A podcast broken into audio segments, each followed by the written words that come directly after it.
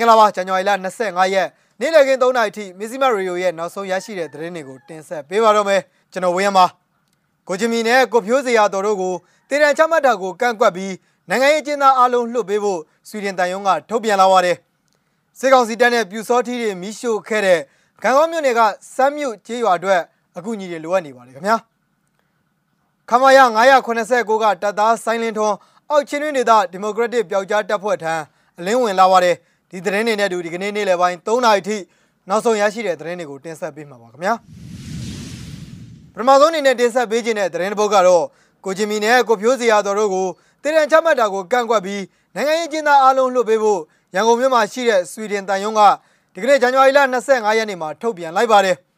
တည်တံချမှတ်တာကရက်ဆက်လူမဆန်လူကုန်သိက္ခာညှိုးနှွမ်းစေပြီးပြန်လည်ပြင်ဆင်ခွင့်မရတဲ့ပြစ်ဒဏ်ဖြစ်တဲ့အပြင် လူသားတွေရဲ့မွေးရပါအခွင့်အရေးဖြစ်တဲ့အသက်ရှင်ခွင့်ကိုချိုးဖောက်နေတဲ့ပြည်ထန်လည်းဖြစ်တယ်လို့တန်ယုံကပြောဆိုပါတယ်။ဆွီဒင်နိုင်ငံနဲ့ဥရောပသမဂ္ဂအနေနဲ့ကမ္ဘာလုံးအတိုင်းအတာတေတံဖြတ်သိမ်းရေးကြိုးပမ်းလှုံ့ဆော်နေတာနဲ့အညီဘယ်အကြောင်းအရာပုံစံမျိုးနဲ့မဆိုတေတံချမှတ်ခြင်းကိုရှုံချကန့်ကွက်ကြောင်းဒီမိုကရေစီရေးတက်ကြွလှုပ်ရှားသူဦးကျော်မင်းယူခေါ်ဦးဂျင်မီနဲ့လွတ်တော်မတ်တူဖြစ်သူဦးပြိုးစရာတော်တို့ကိုတေတံချမှတ်လိုက်ပြီးနောက်တေတံချမှတ်ခံရသူ45ဦးထိရှိလာတဲ့အတွက်အသက်ရှင်သန်ခွင့်ကို လေးစားလိုက်နာခြင်းဟာလူအခွင့်အရေးရဲ့အဓိကအချက်ပင်ဖြစ်ကြောင်းထပ်လောင်းသတိပေးလိုတယ်လို့ဆွီဒင်တန်ယုံကဆိုပါတယ်ခင်ဗျာ။တေမန်ချမှတ်တာကိုဖျက်သိမ်းတာနဲ့အတူနိုင်ငံရေးကျင်းသားအလုံးလွှတ်ပေးရမှာဖြစ်ကြောင်းဆွီဒင်တန်ယုံရဲ့ထုတ်ပြန်ချက်မှာဖော်ပြထားပါတယ်။စစ်ကောင်စီကနိုင်ငံရေးတက်ကြွလှုပ်ရှားသူကိုဂျင်မီနဲ့အန်နီလွတ်တော်အမဟောင်းကိုဖြိုးစရာတော်တို့ကိုဇန်နဝါရီလ22ရက်က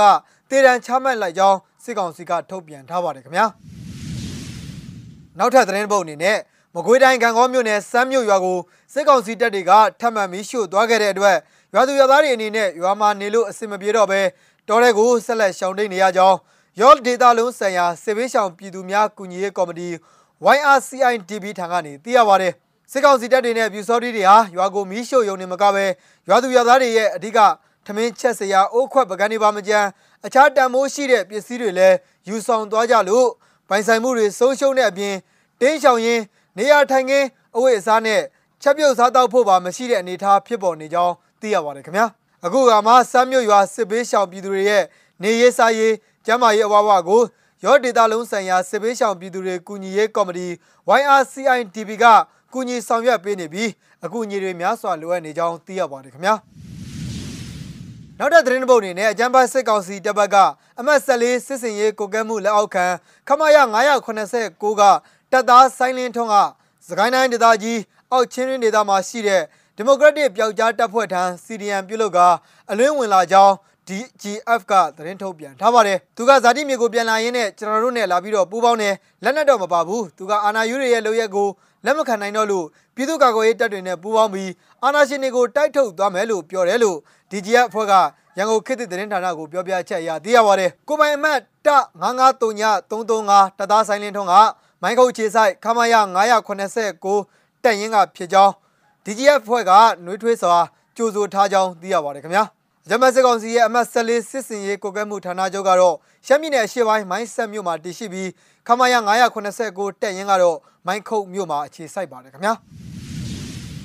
ဒီနေ့နေ့လယ်ပိုင်းရဲ့နောက်ဆုံးသတင်းပုတ်အနေနဲ့ယူကရိန်းတင်းမာမှုတွေမြင့်တက်နေချိန်မှာ ရုရှားကိုတုံ့ပြန်ဖို့အမေရိကန်နဲ့ EU တို့ညှိနှိုင်းနေဆိုတဲ့ AFP ရဲ့သတင်းတပုတ်ကိုလည်းဆက်လက်ပြီးတော့တင်ဆက်ပေးချင်ပါတယ်ခင်ဗျာအမေရိကန်ထိပ်တန်းတန်တမန်အန်တိုနီဘလင်ကန်နဲ့ဥရောပဝန်ကြီးတွေဟာယူကရိန်းကိုရုရှားရဲ့ကျူးကျော်မှုမှန်သမျှအတွက်ပြင်းထန်စွာတုံ့ပြန်သွားဖို့ January လ24ရက်တနင်္လာနေ့ကအပြန်အလှန်ကတိပြုခဲ့ကြပြီးတန်တမန်မိသားစုတွေထွက်ခွာဖို့ဝါရှင်တန်ရဲ့ဆုံးဖြတ်ချက်ကိုအချိန်မတန်သေးကြောင်းကီယပ်ကဆိုပါတယ်။အိန္ဒိယနိုင်ငံရဲ့နယ်နိမိတ်မှာရုရှားတပ်ဖွဲ့ဝင်တသိန်းနီးပါးဖြန့်ကျက်ချထားခြင်းကြောင့် တင်းမာမှုတွေမြင့်တက်လာချိန်မှာပြည်ထင်ကလည်း American နေတူကီယပ်က၎င်းရဲ့တန်တမန်တွေကိုအိမ်ပြန်ပို့လိုက်ပါတယ်။မော်စကိုဘက်ကတော့ကျူးကျော်ဖို့အစီအစဉ်မရှိကြောင်းအခိုင်အမာပြောဆိုထားပါတယ်။ American ကရုရှားရဲ့ကျူးကျော်မှုအတွက်မကြုံစဘူးပိတ်ဆို့အရေးယူမှုတွေချမှတ်နိုင်ဖို့၎င်းရဲ့မဟာမိတ်နိုင်ငံတွေကိုစီးအုံနေပြီးလိုအပ်ပါကရပ်ပိုင်းအတွင်းကြီးမားတဲ့အကျိုးဆက်တွေဖြစ်လာတဲ့အထိကရမ်လင်ကိုအရေးယူသွားဖို့ဥရောပသမဂ္ဂအဖွဲ့ဝင်တွေကကတိပြုထားပါတယ်။ ဒါပေမဲ့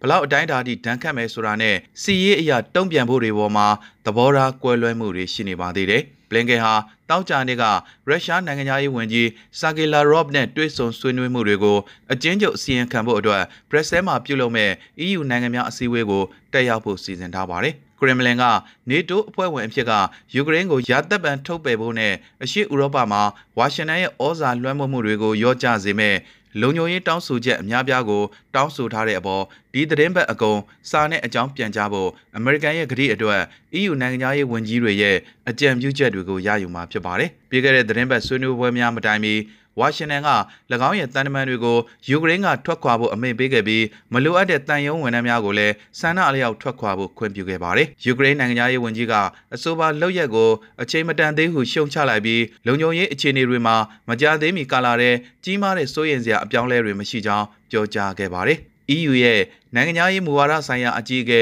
ဂျိုးဇက်ဘိုရဲလ်ကမိမိတို့အစုအဖွဲ့ရဲ့လူတွေကိုပြန်ခေါ်ဖို့အစီအစဉ်မရှိသေးကြောင်းပြောကြားခဲ့ပြီးရုရှားနဲ့ဆွေးနွေးမှုတွေပြုလုပ်နေချိန်မှာအကဲဆက်တဲ့အပြုတ်မှုမျိုးပြသဖို့မလိုအပ်ကြောင်းပြောကြားခဲ့ပါတယ်